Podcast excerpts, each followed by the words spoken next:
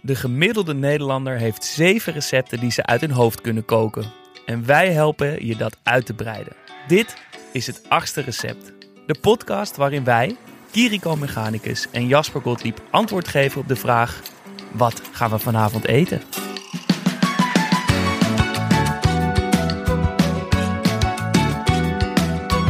Ik ben Kiriko.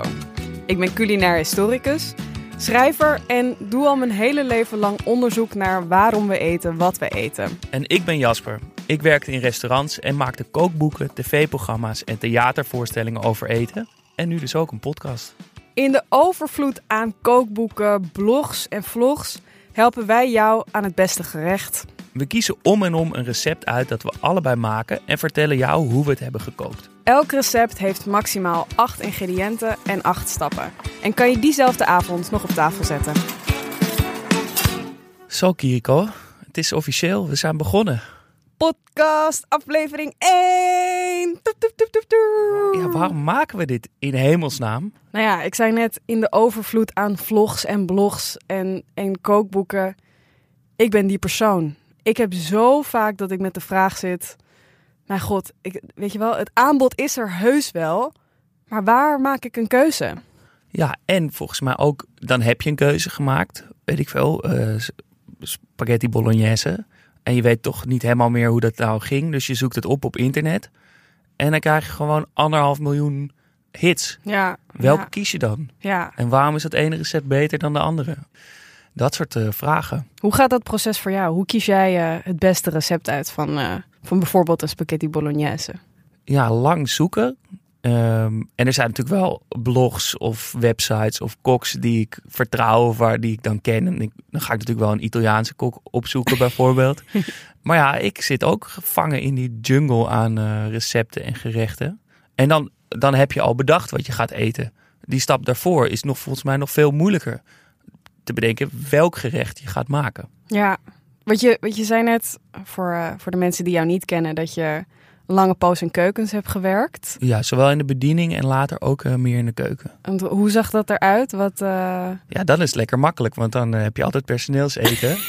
Ehm, ja, bij mij werkt het toch meestal zo dat als ik thuis kook, dat ik een beetje voorborduur op wat ik nog in de ijskast heb of zo. Het is meer vaak een soort aaneenschakeling van gerechten. Oh, ik heb nog die halve ui en nog een stuk eh, spitskool over. Dan kan ik daarmee dat gaan maken en een restje rijst opbakken. En, eh, dus zo schakelt het zich een beetje aan elkaar. kan je goed improviseren? Ja, dat vind ik ook het leukste. Ja? Ja, om te denken, oh, ik heb nog dit en ik heb nog dat. En dan valt het als een soort rummy cup, valt er dan opeens in elkaar en dan heb je opeens een gerecht. En jij? Ja, ik ben denk ik ook wel echt van het improviseren. Maar ik ben ook de persoon die eh, vaak terugvalt op hetgeen dat ze al kan, zeg maar. Ik heb wel zo'n aantal recepten waarvan ik gewoon weet dat zijn succesverhalen. En waar je dan nou, relatief weinig voor nodig hebt. En dan weet ik gewoon, nou, eh, in principe heb ik het meestal aan huis. Ik hoef alleen nog lente, ui en aubergine te halen. Weet je wel, even langs de groenteboer. En dan, dan weet ik gewoon, nou ja, dan eet ik gewoon sowieso goed. Dan maak ik die ene miso aubergine die ik al 80.000 keer heb gemaakt, zeg maar. Volgens mij valt het moment, eh, wat ga ik vanavond eten, goed samen met het luisteren van een podcast. Ik merk bij mezelf namelijk vaak dat ik onderweg van werk of waar ik dan ook ben naar huis bedenk, oh ja, wat ga ik vanavond maken? Dan doe ik onderweg meteen boodschappen. Maar dan staan al je dure kookboeken in je kast te verstoffen, want je hebt niet tijd om eerst naar huis te gaan, inspiratie op te doen uit die boeken. En dan weer terug te gaan naar, naar een supermarkt of wat voor winkel dan ook, om dat dan weer te gaan eh, maken. Dus Ja. ik doe dat vaak onderweg. Maar ja, dan heb je niet de inspiratie of dan, dan moet je het toch uit jezelf halen. Ja, ja. En volgens mij is het moment eh, van fietsen of in de auto of in de trein zitten naar huis toe ook het moment dat je een podcast kan luisteren. En die gecombineerd samen brengt me volgens mij bij het achtste recept. En waarom zijn wij nou de mensen die eh, legitiem een eh, goed recept eh, kunnen uitkiezen, volgens jou? Ehm, Prijs jezelf een beetje omhoog. nou, ik ben, ik ben natuurlijk wel echt heel veel bezig met eten. Maar ik neem het ook allemaal niet. Ik ben ook niet zo streng. Ik denk dat er veel chefs zijn of, of mensen die het allemaal op een bepaalde manier moet zo. Ja, de carbonara moet altijd zo, want het mag niet dit of niet dat. En uh, ja, ik denk, je moet het gewoon ook precies zo doen als je zelf wil. En je hebt misschien geen tijd om precies die guanciale te halen, omdat je daarmee ze het in Rome ook doen. En weet ik wat, ja, als je gewoon spekblokjes in huis hebt, ja, maak je toch lekker met spekblokjes. Ja, maar je hebt natuurlijk wel een bepaalde. Kijk, je hebt, je hebt gewoon veel ervaring in de keuken. Dus je kan wel zeggen. Dit werkt over het algemeen gewoon beter, sneller. Wordt het lekkerder door. Dat ja, precies. Dat hoop ik wel toe te kunnen voegen aan deze podcast, ja. ja. En jij dan? Ja, ik heb eh, eh, ik, ik sta heel graag in de keuken hoor. En ik, en, uh, maar ik, ik ben niet echt een chefkok ooit geweest. Dat is een. Uh, dat uh, laat ik denk ik veel meer aan jou over. Maar ik heb culinaire geschiedenis gestudeerd. Wat betekent dat ik gewoon een heel lang deel van mijn leven al boeken aan het lezen ben over eten en aan het bestuderen ben. En ik maak er documentaires over. Dus ik ben veel meer bezig met wat is de geschiedenis van de recept of waarom eten we wat we eten en wat zegt dat over wie wij zijn en waar we vandaan komen. En weet je, het is in een gerecht zit zoveel verhaal over wie wij als mensen zijn. Maar hoe, hoe heeft dat, wat voor invloed heeft dat dan op hoe jij eet wat je eet? Als je gewoon s'avonds moe thuis komt en je moet nog uh, wat uh, in elkaar uh, draaien? Ja, ik denk dat het vooral invloed heeft op hoe ik boodschappen doe. Dus omdat ik veel weet over, nou ja, veel weet. Ik weet het een en ander over ingrediënten die ik misschien niet vaak zelf gebruik. Of ik, uh, nou, vandaag gaan we het hebben over tomatensoep. En ik zit al een paar jaar gewoon vuistdiep met mijn research in de tomaten. dus, dus, dus als ik een tomatensoep maak, dan ben ik echt veel bezig met uh, weet je, wat is de oorsprong van deze soep? Waar komt die vandaan? Uh, weet je wel, de oorsprong van de tomaat. Iedereen denkt het is een Italiaanse vrucht. Dat is niet zo. Het is gewoon een Zuid-Amerikaanse vrucht, weet je wel. En dat zijn dingen, nou ja. Maar ja, het goed. Ik kan me voorstellen dat je ook in de weg kan zitten. Dat je, dat je denkt, nou, ik wil vanavond gewoon even makkelijke uh, tomatensoep. En ja, comfort en niet te ingewikkeld. En ik, alle, de weet ik veel, de groenteboer is al dicht. Dus ik ga, koop gewoon tomaten bij een grote supermarkt in de midden in de winter. Zit dat je dan daarbij niet in de weg? Nee, nee, nee. Ik, kan, ik, ik denk dat ik, er, dat ik er op een losse, leuke manier mee om kan gaan. dat hoop ik wel tenminste. Ja. En, en ik ook zo de verhalen induiken, de boeken in, de research. Het is ook wel ook echt gewoon mijn passie. Dus ik doe het met veel liefde. Nou, hopelijk uh, slaat dat over op de, op de podcast. Voordat we naar het recept gaan, nog even goed om te zeggen dat uh, jij eet vegetarisch. Mm uh, ik er niet. Dus soms zullen recepten vegetarisch zijn, gewoon toevallig, zoals vandaag. en soms met vlees of vis. En dan maak jij een vegetarische variant daarmee. Ja, ja, ik denk ook, nou, we kiezen dus één recept uit. Dan hebben we vaak al die twee opties. Maar in het proces waarin we uitleggen hoe we het hebben gekookt, kom je er eigenlijk ook achter dat uh, improviseren hoort bij het koken zelf. Dus we zullen altijd verschillende manieren uitleggen waarop je een gerecht kunt maken. Dus ook nou, als je bijvoorbeeld bepaalde allergieën hebt of misschien bepaalde dingen niet lust, dan zul je er eigenlijk al vaak genoeg achter komen dat er ook een andere manier is om hetzelfde recept alsnog voor jezelf lekker te maken. Om niet zo bang te zijn om het, om het fout te doen, maar gewoon precies te doen waar, je zelf zin in hebt met het recept. Voilà. We gaan naar de tomatensoep. Vandaag hebben we het over de schoonheid van de tomaat en maken we tomatensoep. We hebben het recept Perfect Tomato Soup gemaakt van Guardian receptenmaker Felicity Cloak uit het boek Completely Perfect. Het is een vrij recht toe recht aan recept, maar Felicity heeft een paar trucjes toegepast waardoor deze tomatensoep extra smaakvol is, zelfs met Hollandse supermarkttomaten midden in de winter. Het hele recept uh, staat op onze Instagram met boodschappenlijst en alles erbij. Maar toch even kort, hoe zit het in elkaar? Het is eigenlijk vrij uh, eenvoudig. Je halveert de tomaten en roostert ze met olijfolie, zout en suiker in de oven. Ondertussen hak je wortel, ui en knoflook fijn en dat bak je in de pan. Daarna doe je daar de tomaten en bouillon bij. Blenderen en op smaak brengen met basilicum, azijn en crème fraîche. Ja, zoals je al zei, behoorlijk recht toe, recht aan. wat maakt dit dan een, geschikt recept om met Hollandse supermarkt tomaten midden in de winter te maken? Wat zijn die trucjes? Nou kijk, de tomaat ehm, is mijn lievelingsvrucht. En dat komt omdat de tomaat laat zich niet zo makkelijk omschrijven in smaak. Hoe je dat bij andere vruchten wel vrij makkelijk kunt doen. De schoonheid van de tomaat is natuurlijk dat het en zoet is, en zuur, en een beetje bitter, en een beetje zout, en umami, of heel schrompelig, of juist heel, weet je wel, waterig en sappig. Het, keihard. Of keihard, of gewoon inderdaad gewoon volledig smakeloos water met een smaakje, zeg maar. Ehm, maar de kracht van een tomaat zit hem natuurlijk in dat het al die dingen bij elkaar is. Alleen wat het wel vaak is, is een Nederlandse tomaat uit de supermarkt heeft die smaken allemaal niet. Dat is gewoon echt water met een smaakje. Maar om toch te kunnen genieten van wat een tomaat allemaal wel niet zou kunnen zijn, heeft dit recept gek genoeg allemaal kleine trucjes waarin die smaken van die tomaat, of eigenlijk de mooiste kant van de tomaat, heel erg omhoog worden getrokken. Dus je duwt die tomaat eigenlijk een beetje in de hoek waar je hem wil hebben. Het is een hele veelzijdige vrucht, je kan er alle kanten mee op. En dan moet je dus elke keer een beetje kijken, wil ik het juist heel erg zoet en zacht, of wil ik het juist fris en knapperig? Of... Ja. ja, en Felicity Cloak, nou ja, dat is sowieso... Uh, ik vind haar een hele leuke receptenmaker, want wat zij doet is... Zij is uh, het achtste recept, zeg maar wat wij doen, maar dan in Engeland. Want zij kiest een recept uit.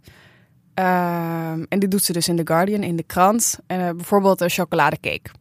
En dan kijkt ze naar hoe heeft Jamie Oliver chocoladecake gemaakt. En hoe heeft uh, D&D-chef chocoladecake gemaakt. En dan maakt ze gewoon een maand lang elke dag chocoladecake aan de hand van een recept van iemand anders.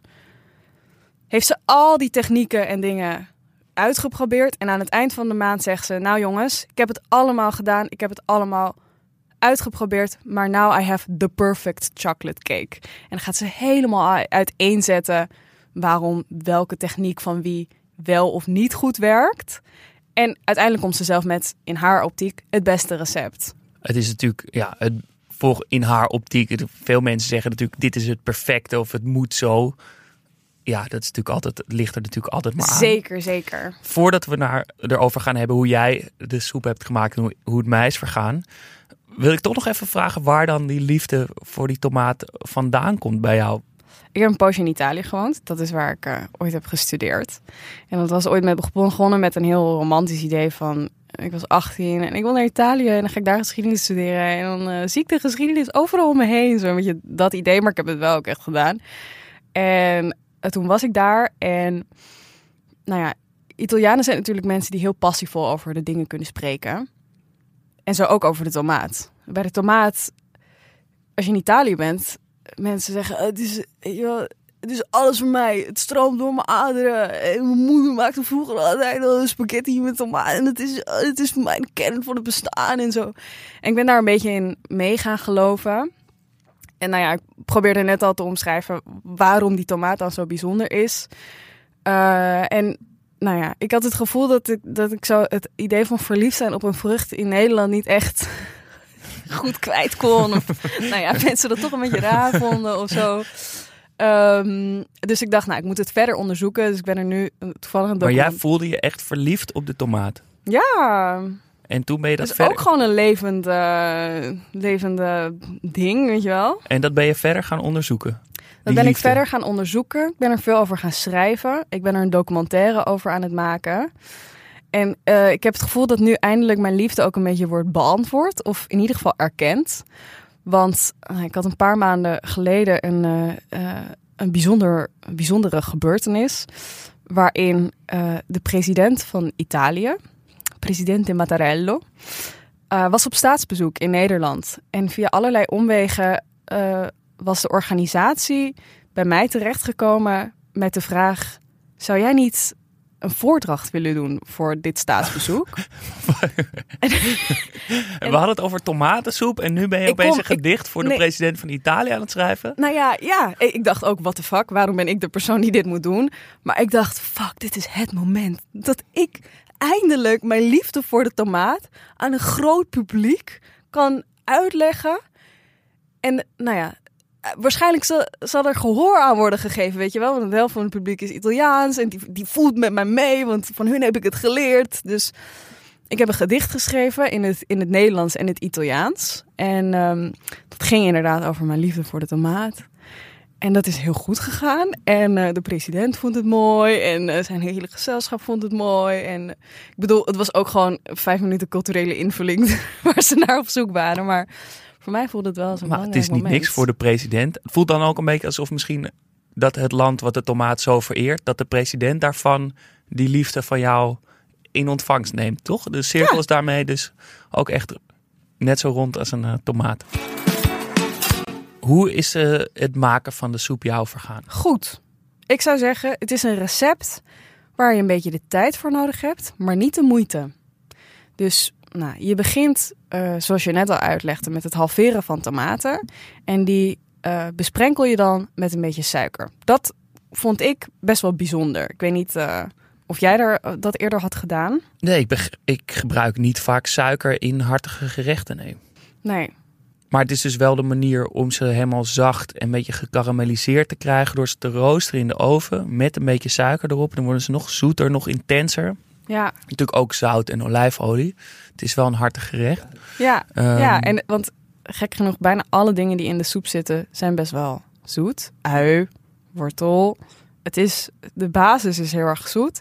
Maar doordat je er op het einde dan toch weer zo'n flinke azijn uh, en die crème fraîche tegenaan gooit, balanceert het ja, echt precies gewoon wat een, wat een goede tomaat met je, met je moet doen. Heb je gewoon precies het recept gevolgd? Ik heb precies het recept gevolgd. Alleen uh, deed Felicity Cloak het met kippenbouillon. En ik eet geen kip, dus ik heb zelf een bouillon getrokken. En ik merk vaak dat mensen daarover doen. Zo van, jeetje, uh, je eigen bouillon trekken. Terwijl ik denk, volgens mij is van alle dingen die je in de keuken kunt doen... een bouillon trekken veruit het makkelijkste.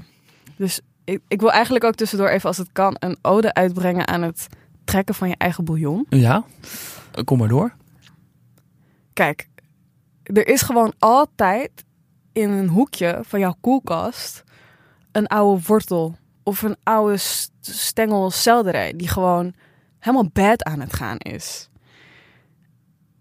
Neem de tijd en gun jezelf een moment waarin je nieuw leven brengt in die bedgaande selderij. Want je gaat er waarschijnlijk toch niks meer mee maken. Maar het gemak waarmee je... Je hoeft hem niet eens te snijden, snap je? Gewoon een beetje water, een halve wortel, een stukje selderij... Een beetje zout, een beetje olie en nog uh, een halve ui en nog wat dingetjes die ergens liggen te verrotten. 20 minuutjes en je hebt gewoon een goede bouillon.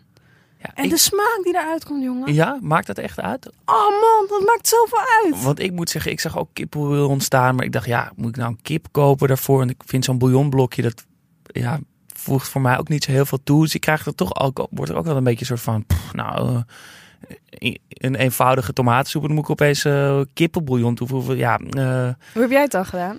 Ja, ik heb het dus niet gedaan. Ik heb geen bouillon toegevoegd. Ah. Wat ik heb gedaan, uh, volgens mij kan je het ook prima met water doen. Uh, maar wat ik heb gedaan is dat ik de ovenschaal waar ik die tomaten in had geroosterd, daar zaten allemaal nog een soort tomatensap en nog wat olijfolie en aangebakte gekarameliseerde randjes. Daar heb ik water in gedaan. En dat heb ik nog even op het vuur gezet. Um, en dan een beetje die restjes losgeweekt, ge, gekookt. Lekker. Uh, en dan maak je dus eigenlijk, ja, ik denk dat je het misschien wel een soort bouillonachtig fond kan noemen. Ja. Uh, dat heb ik gebruikt als bouillon. Ja, en in principe is het natuurlijk ook zo dat die wortel en die ui die je daarvoor al hebt voorgebakken in dat pannetje, die laten natuurlijk ook al heel veel smaak los. Dus ik denk ook dat je het inderdaad prima met water zou kunnen doen. Ja, dus nou, bij mij is het dus eigenlijk. Ik heb bijna helemaal het recept gevolgd. Mhm. Mm -hmm. Die tomaten gehalveerd en geroosterd. Neem daar dus echt de tijd voor, want daar komt echt de smaak vandaan in het recept. Dat duurt een, een uur ongeveer. Um, en in de tussentijd kan je dus rustig de wortel en de uien snipperen. En in een beetje olijfolie met knoflook aanzetten. Dat mag ook best wel een beetje karamelliseren. Er wordt ook wat hartiger van. Uh, dus niet bang zijn uh, om het aan te laten branden. Maar gewoon dat het net kleine zwarte puntjes krijgt. Uh, en dan vervolgens dus die tomaten erbij. En ik heb toen het water in die ovenschaal gedaan en erbij gedaan. Maar ik moet zeggen dat ik van tevoren toch wel huiverig was voor de tomatensoep. Wat dan? Ik heb, nou, ik kook veel, maar ik heb nog nooit tomatensoep gemaakt. Niet. En dat komt door mijn afkeer voor gladde soepen. Als je begrijpt wat ik bedoel. Nee, leg uit. Wat is een gladde soep? Nou, je hebt natuurlijk eh, dingen als, eh, weet ik veel, ramen of eh, gewoon soepen met noedels erin of met stukjes erin of zo. Dat vind ik dan wel lekker. Maar zo'n gepureerde gladde soep, daar word ik een beetje zenuwachtig van. Om Waarom? elke hap is dan hetzelfde.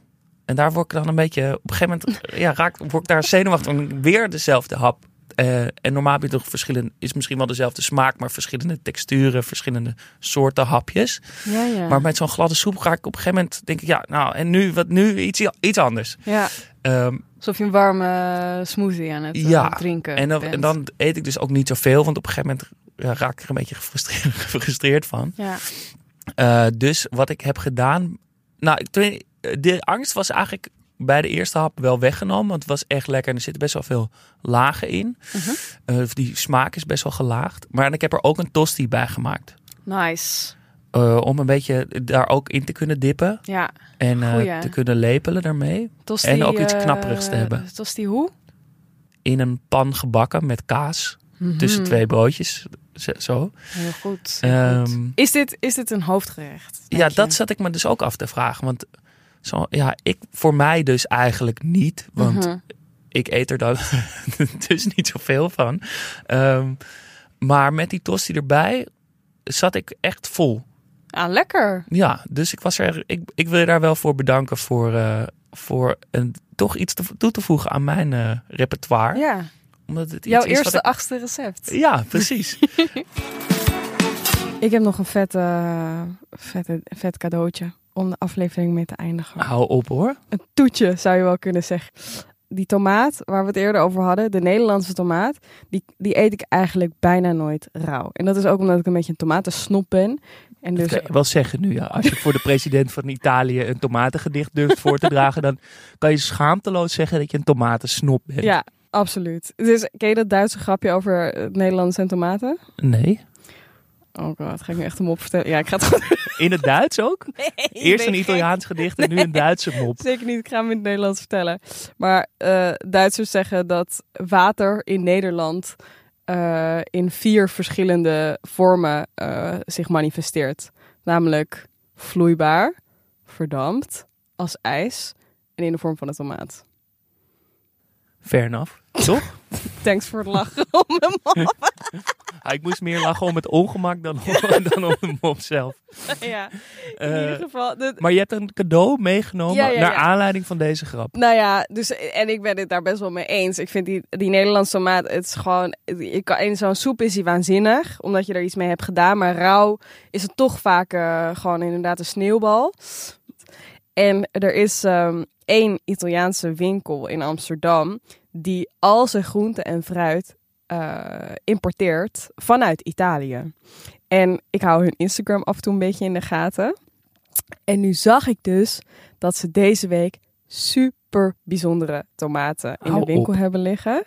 Namelijk eh, rondom de Vesuvius, dat is bij Napels. Dat is die vulkaan die Pompeii eh, helemaal heeft geruineerd. Eh, zijn 13 eh, tomatenplantages waar tomaten groeien, die dus een hele andere smaak hebben dan de normale tomaat. En dat komt dus, dus omdat de aarde rondom de Vesuvius nog heel vulkanisch is. En dat geeft een soort van nieuwe dimensie aan die tomaten, waardoor je, nou ja, ik, ik heb ze dus Het meegenomen. water loopt me in, in de mond. Het is, het, nou ja, ik had er dus over Je gelezen. hebt ook een fijn bruin papieren zakje bij Ja. je. En daar tover je nu een, Even ASMR. Wauw, een heel klein tomaatje uit. Met een klein, nee, wat, hoe zullen we dat noemen? Een klein tepeltje op de onderkant. Ja, een klein eh pukkeltje. Het, het lijkt op een cherrytomaat, maar dan l- langwerpiger. Ja. En ze zijn dus ook een beetje gerimpeld. En dat komt dus omdat ze een hele harde huid hebben. En dat betekent dat ze dus nog langer de tijd nodig hebben om te rijpen nadat ze zijn geplukt. En dat betekent dat ze dus nou ja, bijna eigenlijk een soort van gedroogd. Ja, het drogingsproces is eigenlijk al begonnen. Maar het is wel nog een verse tomaat. En mag ik deze dan nu eh, in mijn mond stoppen. Daar Is dat het? eh, daar is het wel voor bedoeld, ja. We gaan helemaal vol ASMR op de tomaat. Ja, Hij voelt inderdaad vrij stevig. Ja. Het, het, is, het voelt niet als zo'n hele zachte vleestomaat of zo'n zo'n keur de buff die je helemaal bijna als een soort burrata voelt. Maar het is een klein, hard, stevig tomaatje. ja. Hij ruikt niet heel sterk, Nee. maar ik ga hem nu proeven. Ik stop hem in, mijn ge- in zijn geheel in mijn mond. Mm, Grappig, hè? ik heb dit nog nooit geproefd. Echt alsof hij is gerookt, toch? Het is ook heel, heel groen, proeft het. Bij, in de goede zin van het woord. Heel erg fris groen. Dat, dat wat spinazie en Ja. dat soort dingen hebben het zo heel... Maar ook inderdaad zwavelig en gerookt en Ja. tomatig. Ja, vet hè? Onge ik heb nog nooit zo'n tomaat geproefd. Nee, ik ook niet. Ik was ook echt... Ik, ik had er dus over gelezen in mijn tomatentijdschriftje. Het gaat wel ver. En, en toen waren ze hier. Toen dacht ik, oh my god, ze zijn naar me toegekomen. Helemaal hier naar Nederland. Eh, ontzettend lekker. Dankjewel Kiriko voor het recept. Voor de tomaat. Ehm, en voor mijn ogen openen voor gladde, gladde tomatensoepen. Ja, dankjewel voor je overgave aan deze nieuwe wereld. Dit was hoe wij de perfect tomato soep hebben gemaakt. Maar we zijn ook heel erg benieuwd naar hoe het jullie is vergaan. Ja, stuur dus vooral ook je foto's op naar onze Instagram eh, van het achtste recept. Daarop staat dus nogmaals het hele recept ook eenmaal goed stap voor stap uitgelegd. Met alle maten en eh, hoeveelheden en de boodschappenlijst en alles erbij. Ehm, Aankomende, aankomende woensdag. woensdag eh, hebben we al een nieuwe aflevering. Maken we een ander recept. En dat wordt gebakken rijst met kimchi. Yummy. Die heb ik uitgekozen. Heel wat anders dan eh, de klassieke tomatensoep. Maar een heel simpel, snel, goed gerecht. Kleine tip. Maak ergens deze week dan nog iets met rijst. En maak te veel, zodat je het de volgende dag met dit recept kan opbakken. En anders vertellen we in de aflevering hoe je met verse rijst eh, kan maken.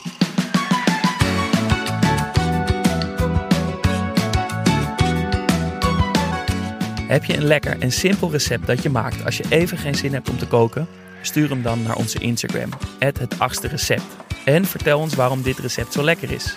Daar vind je ook een overzicht van alle andere recepten. Dit was Het Achtste Recept. Een podcast van Dag en Nacht Media.